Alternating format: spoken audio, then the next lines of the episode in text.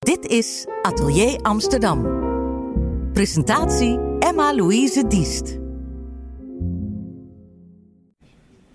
We zitten hier in de tuin van de ambtswoning van de burgemeester. In zonovergoten dag kan ik wel zeggen. En vandaag vieren we de kunst van Amsterdam. En dat doen we met een heel bijzonder evenement. De bekendmaking van de genomineerden voor de Amsterdamprijs voor de kunst. Ik zit hier naast de directeur van het Amsterdam Fonds voor de Kunst, Annabel Bernie. Wat ontzettend leuk dat we hier aanwezig mogen zijn. Het is ook echt een heel bijzondere prijs die er straks wordt uitgereikt. Kunt u iets vertellen over wat dat voor belang heeft om deze prijs uit te reiken? De Amsterdamprijs voor de kunst is de belangrijkste kunst- en cultuurprijs van de stad Amsterdam. En ik vind het ook fantastisch dat we hier inderdaad in de tuin van de Amstwoning mogen zitten. Uh, ik heb het idee dat we onder het wakend oog van de burgemeester uh, de genomineerden straks bekend gaan maken. Uh, en ik vind het fenomenaal hoe Amsterdam weer in staat is geweest om zoveel goed en mooi talent te selecteren om te nomineren voor de prijs. Want alle Amsterdammers kunnen nomineren. En daar was een uh, lange lijst uitgekomen van 140 kandidaten. Waarin de jury, onder leiding van NOS-presentatrice Simone Wijmans, echt een flinke klus gehad heeft om dat terug te brengen tot negen genomineerden. Maar wat een genomineerde. Het is echt heel bijzonder vandaag. Wat valt u het meest op als u kijkt naar de genomineerden van dit jaar? Heeft dat een bepaald karakter? Er zijn uh, drie categorieën uh, van de Amsterdam Prijs voor de Kunst. Dat is een stimuleringsprijs, een uh, prijs voor de beste prestatie en een prijs voor bewezen kwaliteit. En uh, het is natuurlijk de stimuleringsprijs waarin je opvallend talent in de stad signaleert. En er zitten dit jaar mensen bij waarvan ik misschien wel verwacht had dat ze genomineerd zouden worden. En daar zitten ook verrassingen bij waarvan ik denk: fantastisch. En waarom heb ik deze maker nou niet eerder op mijn netvlies uh, gehad? En dat heb je wel als Amsterdam Fonds voor de Kunst. Maar als je de genomineerden in combinatie samen ziet. Uh, en de energie die daar dan vanaf komt, ja, dat is echt genieten. Heeft het eigenlijk over een soort vondst, een soort parel die dan door deze prijs bekend wordt gemaakt. Is dat misschien ook de reden van de prijs om juist op zoek te gaan naar die pareltjes? Nou, de reden voor de prijs is echt dat Amsterdam wil laten zien dat deze talenten uh, de cultuur in de stad dragen en uitdragen. Overal waar ze gaan en in de dingen die ze doen uh, in de stad. En uh, ja, je kunt spreken van een parel. En dat zijn ze ook. Een parel aan de cultuurketting van de stad Amsterdam. Maar wat de prijs eigenlijk echt doet, is daar een spotlight op zetten. En dat is ook een beetje de rol en de functie van de prijs. Uh, de zestiende keer alweer dat die wordt uitgereikt. En de zestiende keer dat we jonge makers beste prestatie en bewezen kwaliteit in de schijnwerpers zetten.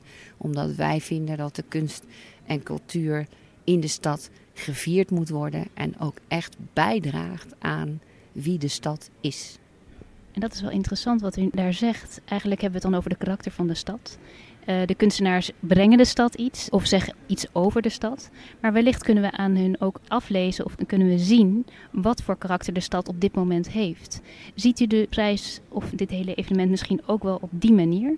Dat we iets kunnen leren van Amsterdam?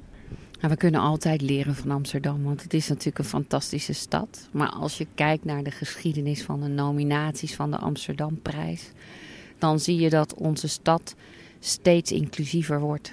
En dat de 170 verschillende nationaliteiten die de stad rijk is, uh, ook in de nominaties uh, veel meer aan bod komen dan voorheen. En dat is echt mooi om te zien. Uh, dat betekent ook dat de Amsterdamprijs min of meer ook een beetje een, vinger aan de pols legt uh, aan het kloppende hart van de stad, namelijk de kunst en cultuur. En ook laat zien waar de kunst en cultuur mee bezig is en waar ze voor staat. En uh, ja, dat ligt deze generatie of dit jaar nominaties, ligt dat nog weer eens echt uh, uit. En daarbij is natuurlijk het Amsterdam Fonds voor de Kunst ook een soort steun voor de kunst van de stad. waar heeft de kunst op dit moment het meeste behoefte aan, denkt u? Ja, daar, de, waar de kunst het meeste behoefte aan heeft, uh, dat verschilt natuurlijk per periode. Uh, we kunnen natuurlijk een heel makkelijk antwoord geven, want er is altijd behoefte aan financiële middelen voor de kunst en cultuur. Maar wat ik eigenlijk het allerbelangrijkste vind en wat het Amsterdams Fonds voor de Kunst ook graag wil geven aan de stad, is uh, aan de makers van de stad, is vertrouwen en ruimte. Want met vertrouwen en ruimte hebben creatieve mensen, makers, organisaties de mogelijkheid om zich volledig te ontplooien en ook uh, autonoom kunst te maken. En dan bedoel ik echt met nadruk op autonoom, omdat we vaak de neiging hebben om kunst en cultuur in te zetten voor de doelen van de stad. En dat kan eigenlijk pas in dat geval dat de kunst autonoom ook sterk is en een hele eigen karakter heeft. En die vrijheid en dat vertrouwen, dat is wat het Amsterdamse Fonds voor de Kunst uh, graag aan de sector wil geven. Is dat soms ook moeilijk? Want we hebben het nu over twee aspecten die heel belangrijk zijn. Aan de ene kant hebben we dat kunst voor de kunst. En aan de andere kant hebben we natuurlijk ook kunst wat ingezet kan worden. Dus we hebben twee dingen dat we eerst heel erg inzoomen en daarbij ook het grote plaatje in acht moeten nemen. Um, is dat soms moeilijk om allebei die elementen, om daar aandacht aan te besteden? Het is niet echt moeilijk, alleen je moet het nooit allemaal van één persoon of instelling verwachten. De ene instelling vindt het misschien heel prettig om te functioneren en zich te richten op een bepaalde doelstelling, die bijvoorbeeld educatief kan zijn. Waarbij de kunst en de kunsteducatie ook iets teweeg brengt en impact heeft op het onderwijs en de kinderen die het onderwijs volgen. En aan de andere kant is autonome kunst heel erg belangrijk voor de ontwikkeling van de geest en de vooruitgang van, uh, van de stad aan zich. Je kunt het verenigen in één persoon, uh, maar dat hoeft natuurlijk niet. En gelukkig is Amsterdam groot genoeg dat die verschillende rollen van kunst en cultuur door de verschillende mensen en verschillende instellingen kunnen worden ingevuld. We staan nu aan de vooravond van een lange tijd waarbij deze genomineerden, specifiek deze kunstenaars, in de spotlight zullen staan. Hoe kijkt u naar de toekomst of naar deze komende tijd? Ik, ja, ik vind het mooi om uh, met onze mediapartners uh, te kijken naar de talenten en de nominaties. Uh, ik moet ook zeggen dat ieder interview lees ik zelf ook weer met een enorme interesse, omdat er altijd weer iets nieuws in staat. En uh, ik luister ook graag naar de genomineerden op de radio.